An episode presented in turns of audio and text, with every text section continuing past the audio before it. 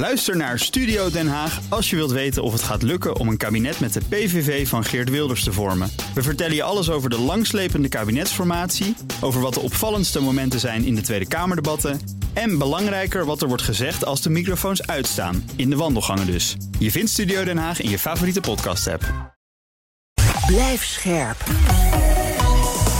BNR Nieuwsradio. The Big Five. Art Rojakkers. Welkom bij BNR's Big Five. Is echte verandering op handen? Met een nieuw kabinet in het verschiet gaat het deksel binnenkort van de Haagse kaasstolp. Deze week in BNR's Big Five de nieuwe bestuurscultuur. Wat komt er werkelijk van terecht? En ja, hoe dan? Vandaag met Carla van Balen, hoogleraar parlementaire geschiedenis en directeur van het Centrum voor Parlementaire Geschiedenis. Welkom. Goedemorgen. Voordat we echt gaan kijken naar die bestuurscultuur, die nieuwe bestuurscultuur, maar dan vanuit een historisch perspectief, wil ik graag twee dingen van je weten. Allereerst, als historicus, vind je dat de Haagse bestuurscultuur op een dieptepunt is beland? Uh, op een dieptepunt, ja. Uh, indachtig. Uh, de affaire met de toeslagen, de toeslagenaffaire, dat is wel zo erg en dat heeft zoveel jaren door kunnen gaan zonder dat men het in Den Haag echt in de gaten had op een paar mensen na. Dat is wel heel ernstig. En dat kan, dat kan niet nog een keer gebeuren. Dus in die zin, hè, indachtig wat er is gebeurd.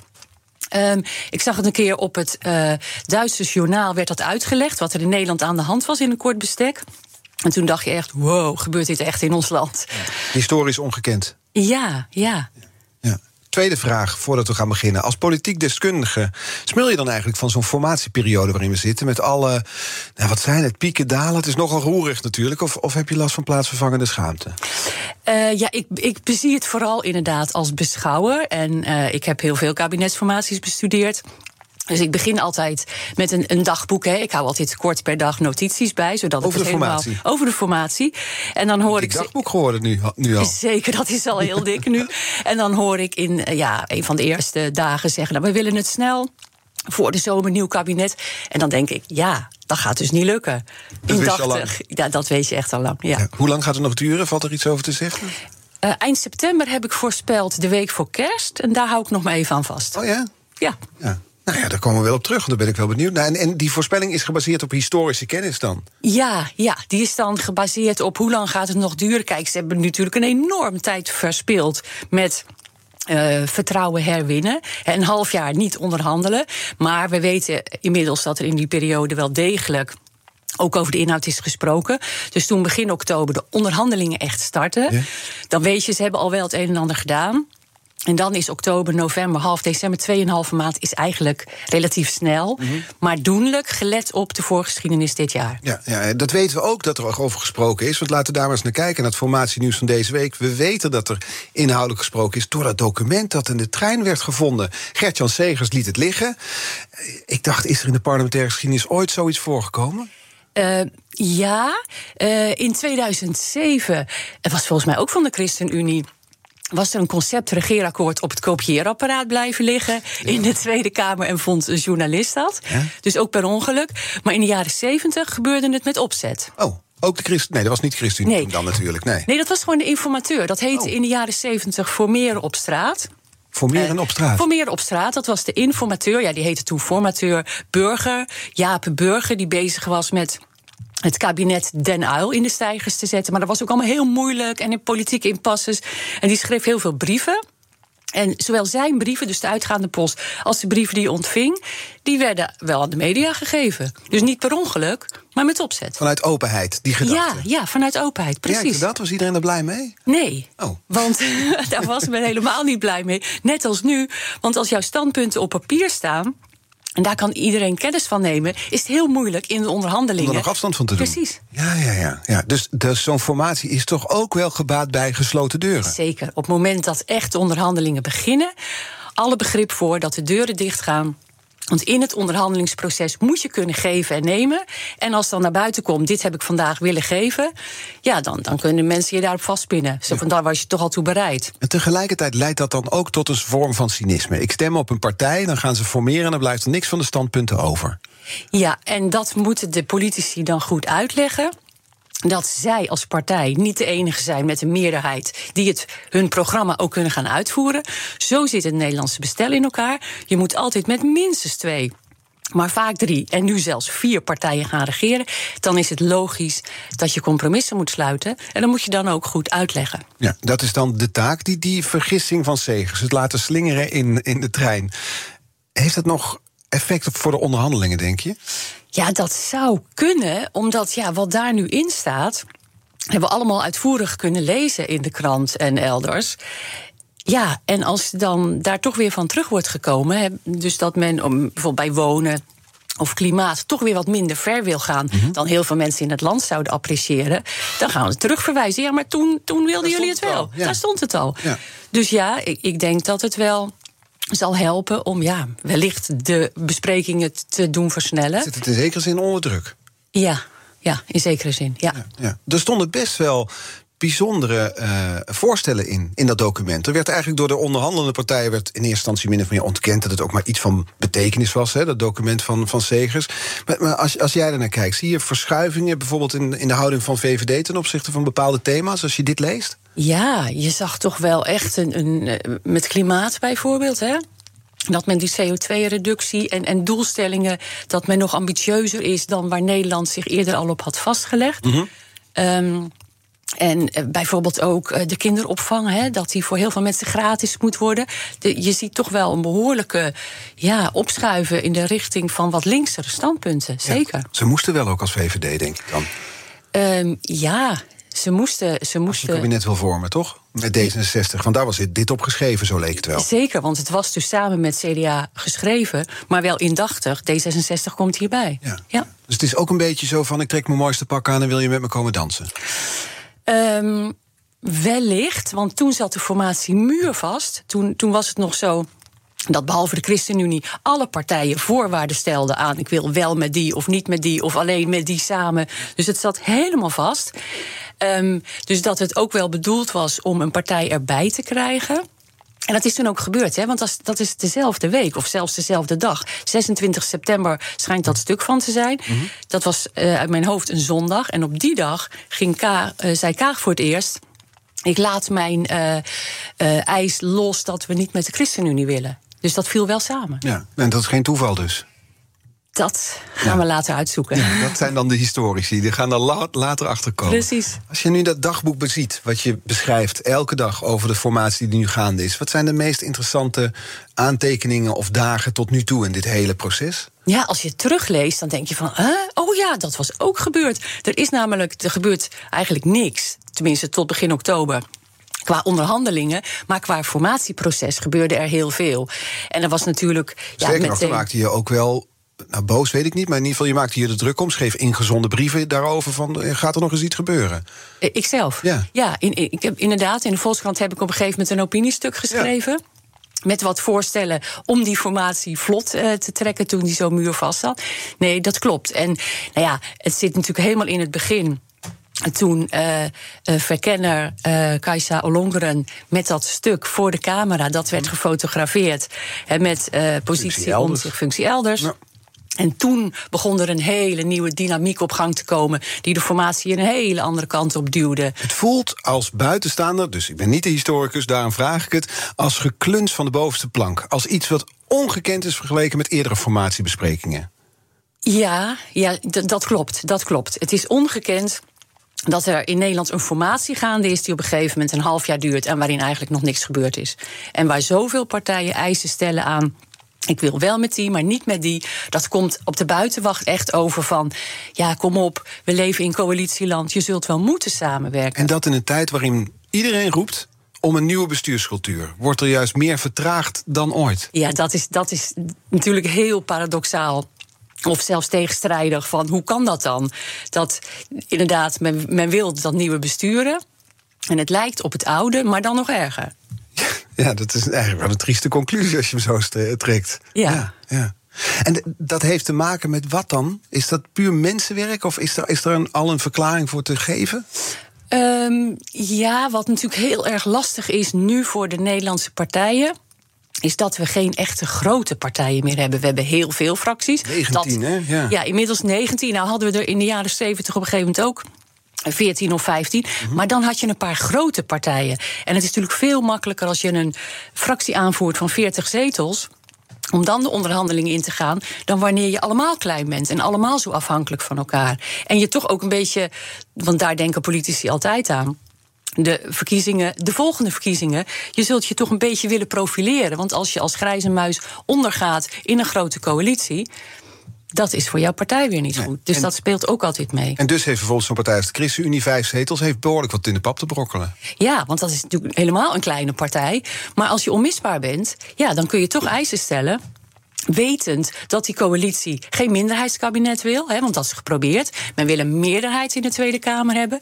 En als jij als partij daarvoor nodig bent, ja, dan kun je eisen stellen. Ja. Eigenlijk hebben we dus met die 19 fracties waar we allemaal op stemmen, hebben wij als stemmers dit ook een beetje aan onszelf te danken. Jazeker, dit doen wij. Dit doen wij Nederlanders, want wij stemmen heel verdeeld. Wij zijn ook niet meer zoals vroeger stem vast dat iemand zijn hele leven op de Partij van de Arbeid of de KVP of noem maar op, de, de VVD stemde. Nu wisselen we, gaan we per verkiezingen kijken welke partij past het beste bij ons. En daarom kunnen nieuwe partijen het ook goed doen.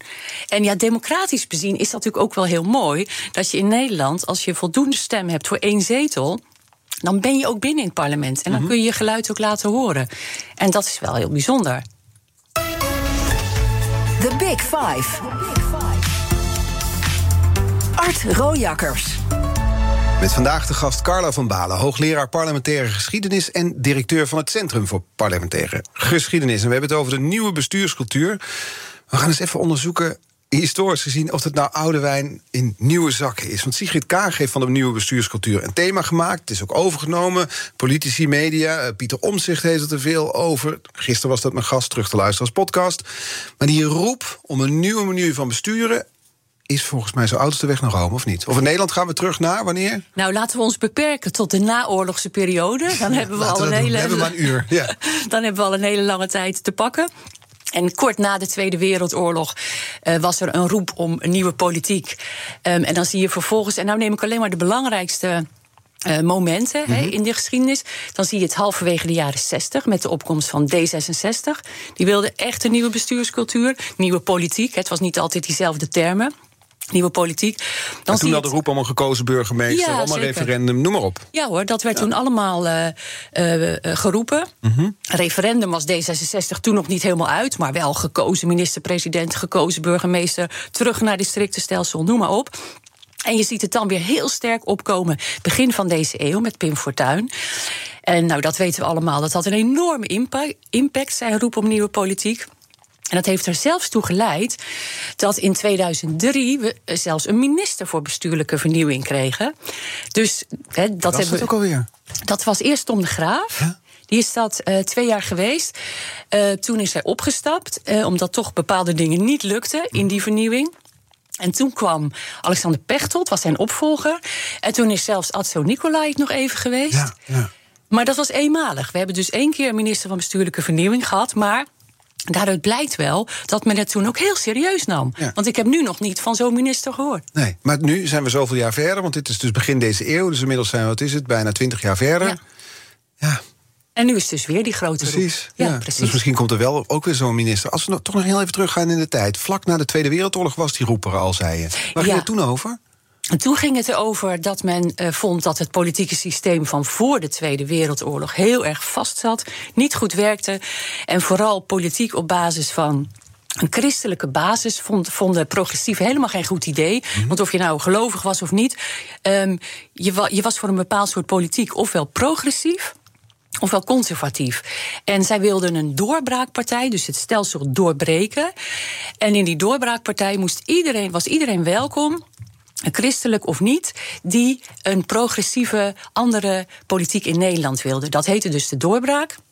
En die doorbraakpartij was de Partij van de Arbeid. En die wilde dus heel groot worden.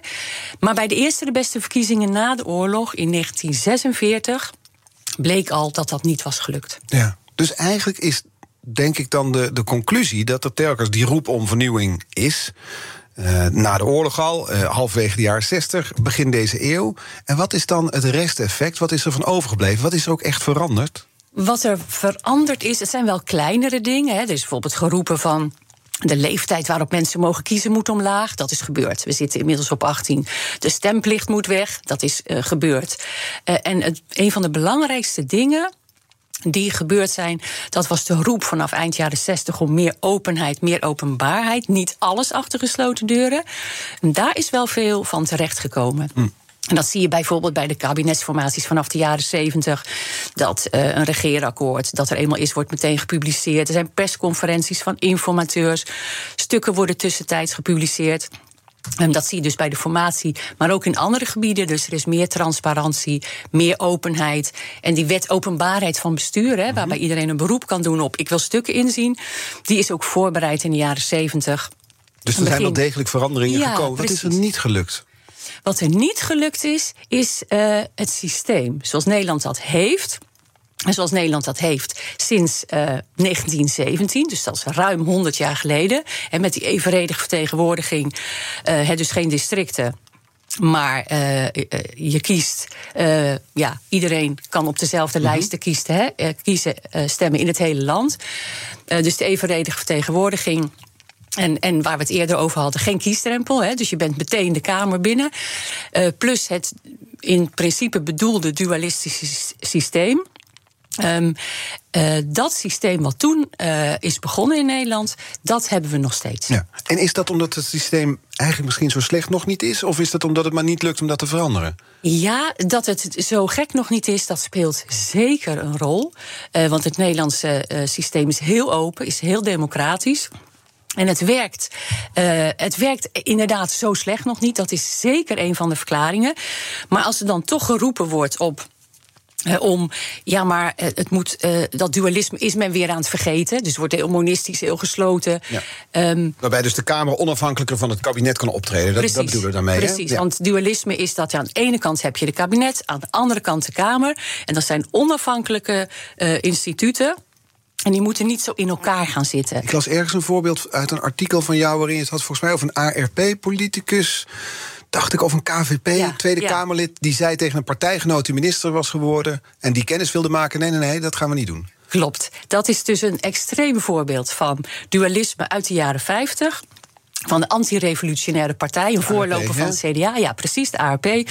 Die zei van, ik zit in de Kamer, dus dan ga ik niet met, met u meneer de minister, of schoon wij van dezelfde partij zijn, gaan we natuurlijk niet uh, samen zitten praten. Nee, volgens mij zei hij letterlijk: ik zit aan deze zijde, u zit aan gene Juist, zijde. dat ja. zei hij. Ja, wat een prachtige zin ook. Ja, dus, Ja. Maar zo strikt is het natuurlijk helemaal niet meer. Kamerleden dienen hup, uh, rechtop te gaan staan als de minister iets van ze vraagt. Nee, dat klopt. En ook toen was dat al niet zo strikt, want dit was de ARP en een extreem voorbeeld. Ja. En ook in die tijd ging men echt wel uh, met partijgenoten die in de Kamer zaten, partijgenoten in het kabinet, werd echt wel uh, samengesproken.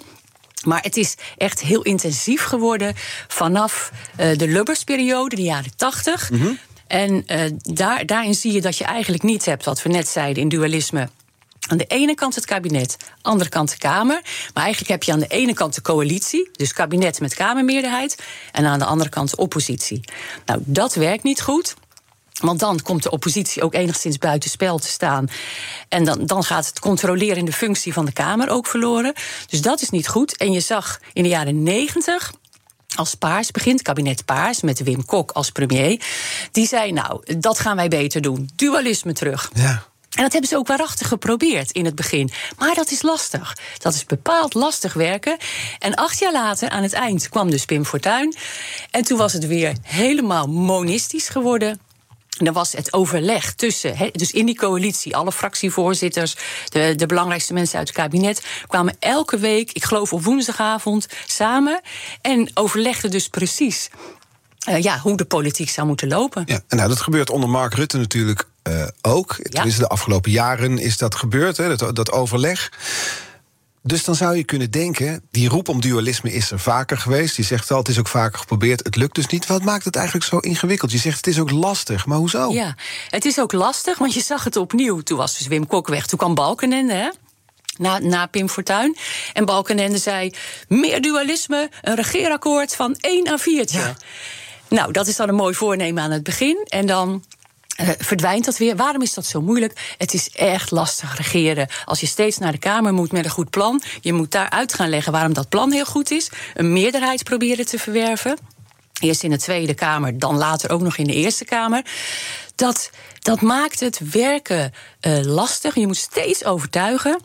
Terwijl als je dat van tevoren in een, in een achterkamer ergens helemaal doorspreekt met z'n allen. en ook wat geven, nemen, wat onderhandelen. dan is dat makkelijker, want dan ligt je meerderheid klaar. En wat is er dan mis mee met die manier van werken, zoals je nu beschrijft, van overleg vooraf? Ja, dat is een, dat is Want een we hele... roepen nu om een nieuwe bestuurscultuur waarin dat dualisme is een belangrijke term. Dat willen we. Ja, precies. Dat is een hele goede vraag. Want je kunt nooit helemaal uh, los van elkaar staan. Dus dat overleg is helemaal niet erg. Maar het punt is. Naarmate, meestal als een premier langer zit, als een bepaalde coalitie langer zit, dan wordt dat alsmaar intenser. En het lijkt me of men dan ook uit het oog verliest dat dat voor de politiek als zodanig niet goed werkt dat die oppositie buitenspel komt te staan, dat zij het bepalen, maar achter de schermen. En dan kom je dus in de Kamer en dan hoef je ook niet meer uitvoerig te verantwoorden waarom je dit vindt. Want het is toch al uh, afgesproken. Dus, dus eigenlijk, zich... eigenlijk, als het steeds intenser wordt, zou dat betekenen dat een premier misschien maar maximaal twee ambtstermijnen moet hebben, ja, zoals een president ja. in Amerika. Ik, ik, vind dat zelf een heel goed idee. Twee termijnen en dan iemand uh, nieuw. Um, want uh, dus nogmaals, het is, dat overleg is niet erg. Maar nu is het bij, was het bij onder Rutte 3 zo geworden dat het op maandagochtend was, ja. hè, dat overleg in de coalitie. En um, ik heb begrepen van journalisten dat ze liever na afloop van het maandagochtendoverleg vragen stelden. Dan naar de minister. Juist. Ja, ja, en dan is, dan is het dus helemaal uit balans. Dan is het geraakt. te ver doorgeschoten. We praten zo verder met Carla van Balen. Ook over de vraag, dus, want we hebben het over twee termijnen of niet. Of Rutte dan zijn premierschap misschien maar zou moeten opgeven. Blijf luisteren. Ook Liesbeth Staats vind je in de BNR-app. Ja, heel handig. Luister live naar Kees en mij tijdens de Daily Move. Dan blijf je ook gelijk op de hoogte van breaking news en het laatste zakelijke nieuws. En daar vind je ook alle BNR-podcasts, waaronder de Perestrooikast. Download nu de gratis BNR-app en blijf scherp. Blijf scherp. BNR Nieuwsradio. The Big Five. Art Rojakkers. Welkom bij tweede halfuur. Deze week vijf kopstukken uit de wereld van de nieuwe bestuurscultuur. Gisteren sprak ik met Pieter Omzicht over zijn frustraties in de strijd daarvoor. Is terug te luisteren via de BNR-app. En vandaag de gast Carla van Balen, verbonden aan de Radboud Universiteit, hoogleraar parlementaire geschiedenis en directeur van het Centrum voor Parlementaire Geschiedenis. Het komende half uur wil ik graag nog twee onderwerpen met je bespreken. In ieder geval, namelijk of de burger ook iets anders kan doen of moet doen voor die nieuwe bestuurscultuur. En de vraag, we hadden het er net al even over, of Mark Rutte wel minister-president zou moeten worden. En als we met het laatste beginnen, we hadden het over, twee termijnen is misschien ook wel genoeg voor minister-president. Hoe, hoe langer ze blijven zitten, blijkt historisch gezien, of het nou om Rutte gaat, Balkenende, of, uh, nou die zat natuurlijk maar één keer trouwens. Nee, die zat wel vaker bedoel ik, maar ja, die uh, Kok. zat acht jaar. Ja, die zat acht jaar. Kok um, en Lubbers ook. Het wordt steeds intenser, dat overleg. Dat klopt. Die ontwikkeling zie je dus naarmate een kabinet uh, langer zit. En dan wordt het nog uh, onder dezelfde minister-president verlengd, soms in een andere samenstelling. En inderdaad, dan zie je dat waar we het uh, daarnet uh, over hadden, over dat dualistische, dat dat alsmaar meer uit het, uit het zicht verdwijnt. Dat er steeds meer intensief coalitieoverleg komt. Um, en ja, dan zou je heel goed kunnen voorstellen, uh, een jaar of acht, dat is een hele goede termijn. Ja. En dan is het tijd voor vers bloed. Maar nu hebben we Mark Rutte als grote winnaar toch wel van de verkiezingen, met afstand Zeker. de grootste partij. Dus het is volstrekt logisch in de huidige parlementaire dynamiek dat hij minister-president wordt. Maar is het dan een goed idee dat hij eigenlijk in de Kamer gaat zitten? Uh, ja, kijk, het is volstrekt logisch in de huidige tijd. Maar vroeger was dat uh, in Nederland, hè, in de naoorlogsperiode, was het helemaal niet vanzelfsprekend dat de partijleider ook uh, automatisch in het kabinet ging. Dat gebeurde ook echt wel dat uh, zo iemand in de Kamer bleef zitten, hè, als eervolle functie, als volksvertegenwoordiger, de fractie aanvoerend in de Kamer. En juist nu denk ik dat dat een goed idee zou zijn als Mark Rutte de Kamer in zou gaan en de VVD-fractie zou leiden vanuit de Kamer. Omdat als je dan zegt nieuwe bestuurscultuur. Dat is een mooi woord. Maar dan wordt het ook een daad. Dan laat je dus zien dat het uh, jou echt menens is. En dan ga je vanuit de Kamer die nieuwe bestuurscultuur, namelijk meer dualisme, ga je vormgeven. Ja, wie moet er dan premier worden? Nou, dat zou bijvoorbeeld Kaag kunnen zijn. En dan zeg je, uh, maar die is van de tweede partij. Precies. Ook dat is in het verleden uh, wel gebeurd. Bijvoorbeeld in 1948, toen was de KVP de grootste. Maar er kwam niet een KVP-minister-president, maar een P van de A-minister-president. Dat was de tweede partij. Ja. En het was in de formatie gewoon een deal. Hè? Dus om eruit te komen van oké, okay, nou dan doen wij dit. Uh, hè, maar dan mogen jullie de minister-president leveren. En dat werd toen Willem Drees. De bekende Drees, dus toen hij premier werd, was hij niet aanvoerder van de grootste uh, partij. Dus Sigrid Kaag zou het kunnen worden, hè, als uh, onderdeel van een totaalpakket. Hoe realistisch is het? Niet. Nee.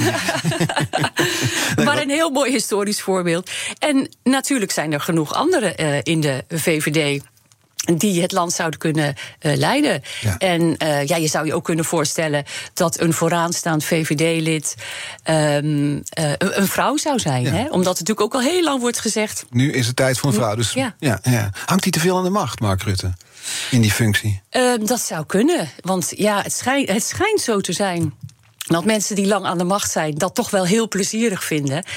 En dat dat ook voor Mark Rutte zou gelden. Ja, ik bedoel, ik kan dat niet met zekerheid zeggen, maar het zou kunnen. Ja, het is ook afscheid nemen van status en macht als je, als je die functie opgeeft natuurlijk. Want je bent een minister-president, of, of ook als minister, en dan ga je in de Kamer zitten.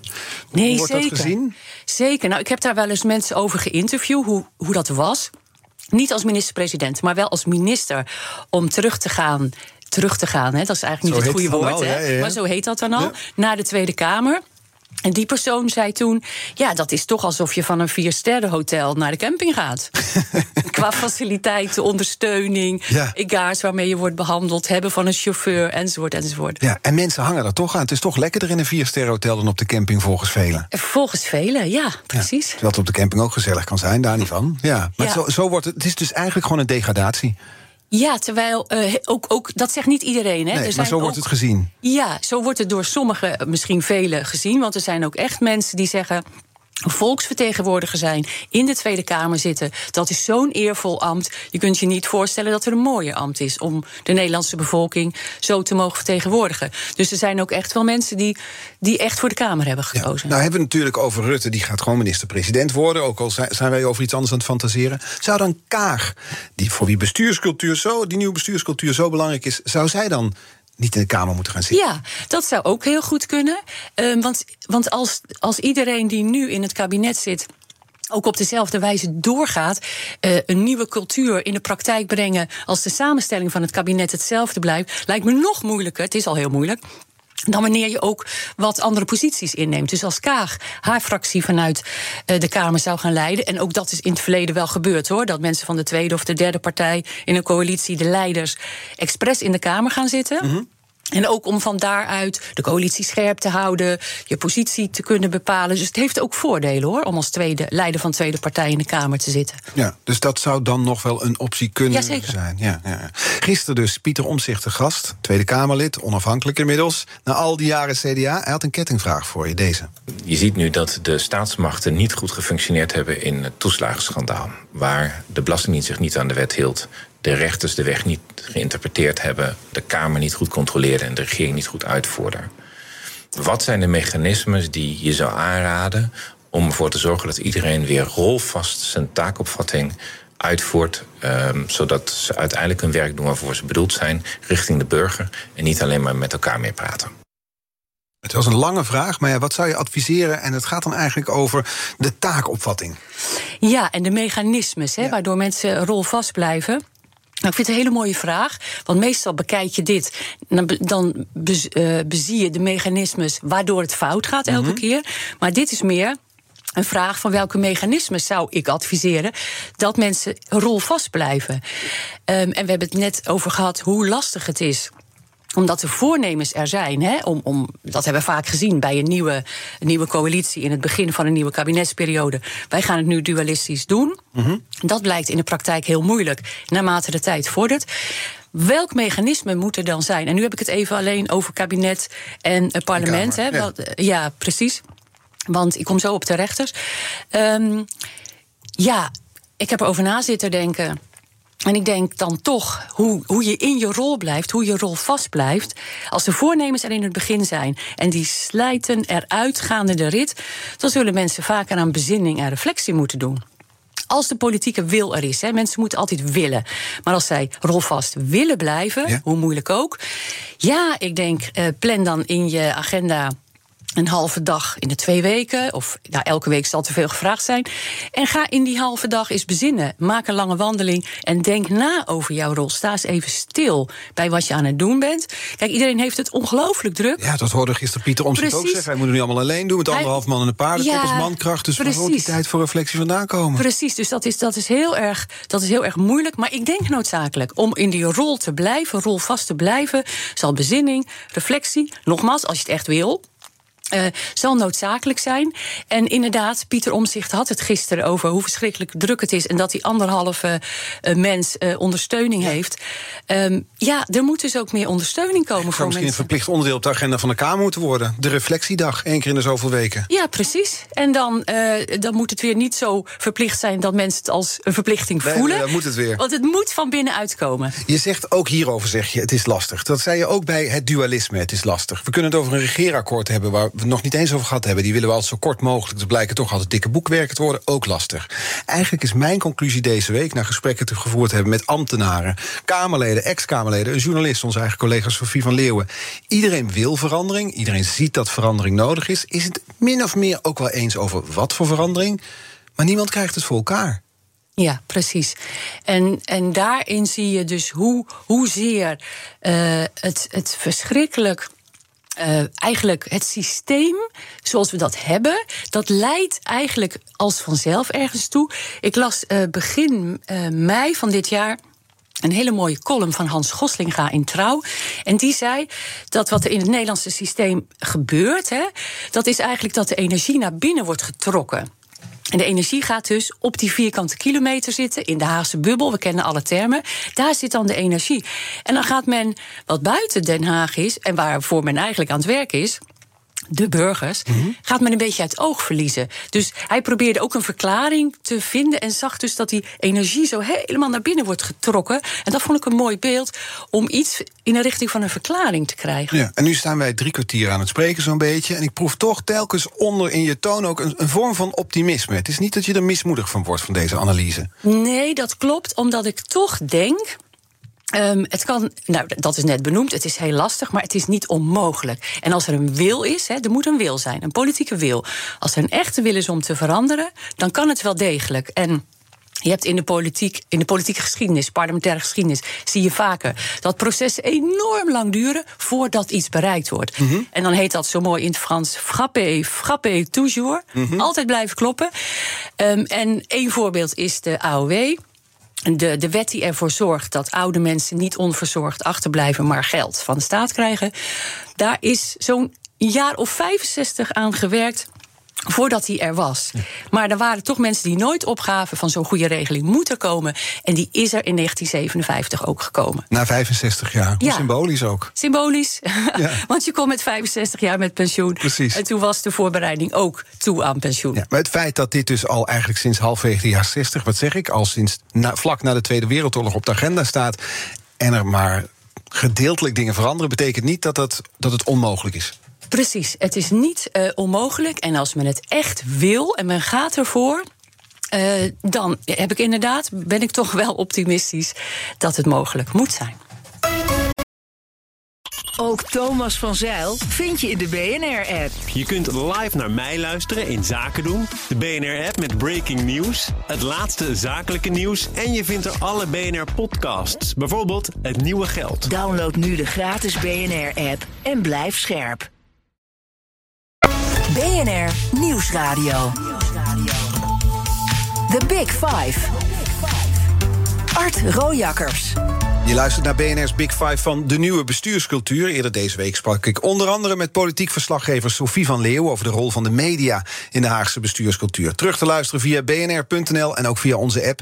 En vandaag de gast Carla van Balen, hoogleraar parlementaire geschiedenis en directeur van het Centrum voor Parlementaire Geschiedenis. Ja, als we het hebben over die nieuwe bestuurscultuur, dan hebben we het natuurlijk automatisch dus ook over bestuurders. Maar laten we ook eens naar onszelf kijken. De burger. Wat kunnen wij doen? Hebben wij genoeg invloed als, als burger op dit systeem? Um, daarvan, daaraan kan je wel echt oprecht twijfelen. Wij gaan eens in de vier jaar naar de stembus hè, om de nieuwe leden van de Tweede Kamer te kiezen. En daaruit komt dan ook een nieuw kabinet voort. En we hadden het al eerder over allerlei voorstellen om eh, de bestuurscultuur te vernieuwen. En dat zat ook altijd bij meer invloed voor de burger. Bijvoorbeeld, uh, waarom mag hij niet de minister-president uh, ook kiezen? Of minstens de formateur? Um, waarom werken we in Nederland niet met meer met burgerfora, met burgerinitiatieven? Um, het referendum. Als er nou een wet uitkomt waarvan. De Nederlandse burgers denken, ja, maar nu, nu is dit toch echt geen goed plan dat er dan een correctief referendum kan komen. Nou, ik noem nu een paar voorstellen die genoemd zijn in de afgelopen 50 jaar om de burgers toch meer bij het Nederlandse uh, bestuur te betrekken. Uh, en dat is moeizaam. Ja, nou, moeizaam. Er is weinig van terechtgekomen. Ja, een paar uitzonderingen naar. Een paar uitzonderingen zijn er geweest. Klopt. We hebben heel even het referendum gehad, maar dat was raadgevend. Maar dat is weer afgeschaft. We hebben een keer in 2006 een burgerforum gehad dat een nieuw kiesstelsel mocht bedenken. Dus er zijn wel experimenten geweest. Mm -hmm. Maar uh, blijvend is dat niet uh, veranderd. Nee, en daar zit jij natuurlijk helemaal in. Als hoogleraar en directeur van het Centrum voor Parlementaire Geschiedenis. Maar de gemiddelde burger is nou echt interesse en wil om het ook te begrijpen hoe de democratie werkt, om echt betrokken te zijn? Ja, klopt. Eh, burgers die vinden vooral belangrijk. Kijk, hoe het systeem in elkaar zit, daar maalt men niet om. De meeste burgers, als het maar werkt. Wat voor de burgers belangrijk is, dat er goed bestuurd wordt dat, er, uh, dat ze goed kunnen wonen, dat de scholen goed zijn. Dus een goed bestuur, dat is voor de burgers uh, belangrijk. Um, en inspraak hebben. Dat klinkt heel leuk, maar daar zitten ook heel veel burgers niet op te wachten. Die hebben een drukke baan en die willen s'avonds wel wat anders doen dan ergens naar een zaaltje voor inspraak. Dus en velen vinden dat niet per se belangrijk. Belangrijk vinden alle burgers dat er goed bestuurd wordt. En daarom is het ook zo uh, voor, burger, voor de meeste burgers van belang uh, dat dus de wetten die gemaakt worden in Den Haag, dat er ook bekeken wordt in Den Haag zelf of die uitvoerbaarheid ertoe doet, want daarmee help je de burgers. En als je historisch kijkt, ons vertrouwen in de politiek, hoe staan we ervoor vergeleken met nou, de afgelopen uh, halve eeuw? Um, op dit moment is het slecht. Het is wel zo hè, dat het altijd fluctueert. Mm -hmm. Het is dan een beetje hoger, een beetje lager. Ik heb er zelf voor een keer een klein onderzoekje naar gedaan. En toen ontdekte ik dat als het vertrouwen daalt, dan is het voorpagina nieuws. Als het vertrouwen weer stijgt, dan, hoor je er niks van. dan vind je dat terug in een klein berichtje op pagina ja, ja, 7. Zo werkt dat, ja. ja. Precies, zo werkt dat. Nu gaat... Niet dat dat goed is, maar dat is wel het fenomeen wat je natuurlijk ziet in de media. Ja, precies. Dat, zie je, dat, dat zie je dus gewoon in de media. Um, het vertrouwen in um, de politiek is doorgaans niet slecht in Nederland. Als je bedenkt nu ook weer met de verkiezingen uh, van dit jaar, dat 80% ongeveer van de mensen, dus vier op de vijf, gaat stemmen. Mm -hmm. Dan heb je vertrouwen in dat systeem. Want waarom zou je anders naar de stembus gaan? Um, althans in een land als Nederland. Dus met het vertrouwen is het niet heel slecht gesteld. Toen ging het ook vrij goed. Maar nu zijn we inmiddels natuurlijk een hele poos verder. Hè, uh, bijna aan het eind van dat jaar. In maart waren de verkiezingen. En omdat die formatie niet opschiet, dat we mensen ook moe worden, daar kan niemand iets aan doen. Van die corona. Of ja, misschien kan je er wel ook iets aan doen. Maar in ja. ieder geval moe worden van de coronacrisis. Um, en omdat die dat nieuwe kabinet er niet is, worden bepaalde grote problemen ook niet aangepakt. Mm -hmm. En daardoor zie je nu dat vertrouwen van de burgers weer dalen. Ja, en u zei net, het gaat om goede wetten, het gaat om goede uitvoering daarvan. Nou is natuurlijk, dat blijkt ook bij de toeslagenverre, de uitvoering, er is vaak er is het een en ander fout gegaan. Komt dat uh, omdat, dat kwam deze week voorbij als analyse, de uitvoering bij wetten te weinig aandacht krijgt? Ja, ja, dat, dat is. En dat is iets wat ook al heel lang is opgemerkt. Sterker nog, in 2009, dat is niet zo heel lang geleden, twaalf jaar geleden, deed de Kamer, die lag toen ook weer onder vuur. Had de Kamer deed aan zelfreflectie. Dus niet een commissie instellen, maar deed het zelf. Mm -hmm. En daar is een heel mooi rapport uit voortgekomen: vertrouwen en zelfvertrouwen. En een van de aanbevelingen van de Kamer zelf is: we moeten veel beter op de uitvoering letten. We moeten per jaar moeten we minstens drie grote wetten gaan bekijken. Uh, daar kunnen we dan een Kamercommissie op zetten. Wat gebeurt er dan met die wetten die we gemaakt hebben? Dus het voornemen was in 2009. Was het er al? Ja, was ja. het er al. Hoe krijg je en, dat beter gewaarborgd dan? Hoe krijg je het voor elkaar? Um, ja, dat, dat is eigenlijk. Um, draait dat allemaal om hetzelfde, namelijk om die politieke wil. En die sprak de meerderheid van de Kamer dus uit in 2009. En als je wil op uitvoerbaarheid let, en ook de Eerste Kamer, hè. -hmm. De Eerste Kamer ziet het als een van haar speciale taken om op uitvoerbaarheid van wetten te letten. Um, dan moeten ze dat. Dan moeten de mensen die daarover gaan, moeten dat doen. En uh, er is al zo vaak uh, gezegd van. Stuur een wet niet de samenleving in en dan is het werk klaar. Nee, dan. Uh, eh, dan, dan moet die uitvoering in de gaten worden gehouden. En dan ligt het voor de hand dat daar een taak voor de Kamers ligt. Voor de, voor de eh, Tweede Kamer, Eerste Kamer, om dat ook in de gaten te houden. Ja. Je had het over wil. Ja. Die wil moeten Ja. zijn. Als we kijken naar de huidige prominente politieke kopstukken, hebben die die wil? Is die er? Ehm, de huidige prominente kopstukken weten wat er is misgegaan in de afgelopen tien jaar. Ja, maar dat is nog iets anders. En dat klopt, maar ehm, dat zal mede een extra stimulans moeten zijn. Of zijn, om dat te voorkomen. Dus ik, ik eh, heb het vertrouwen dat, eh, dat er meer aandacht voor uitvoering zal komen. Ja. Ja. En dat, zou dan, dat, dat is dan ook onder een nieuw kabinet zo. Ja. We gaan een kettingvraag stellen over een heel ander onderwerp. Nou ja, in zekere zin ook wel niet. Het gaat volgende week in BNR's Big Five over het coronabeleid. Volgende week wordt eh, dit programma gepresenteerd door mijn collega, gewaardeerde collega Diana Matroos. Hij spreekt dan Sjaak de Gouw. Wat zou je van hem willen weten? Ehm, ik zou dan willen weten, eh, er is zoveel gebeurd in de ruim anderhalf jaar dat we nu in die coronacrisis zitten. Dat gaat natuurlijk later allemaal geëvalueerd worden. Maar voor iemand die daar zo bij betrokken is, wat is tot nu toe de belangrijkste les die is geleerd? Dat is de vraag voor Sjaak de Gouw. Die gaan we morgen stellen. Heb ik nog, we hebben nog een dikke minuut. Ik wil er eigenlijk een weddenschap van maken. Voor kerst hebben we een nieuw kabinet, zei je, hè?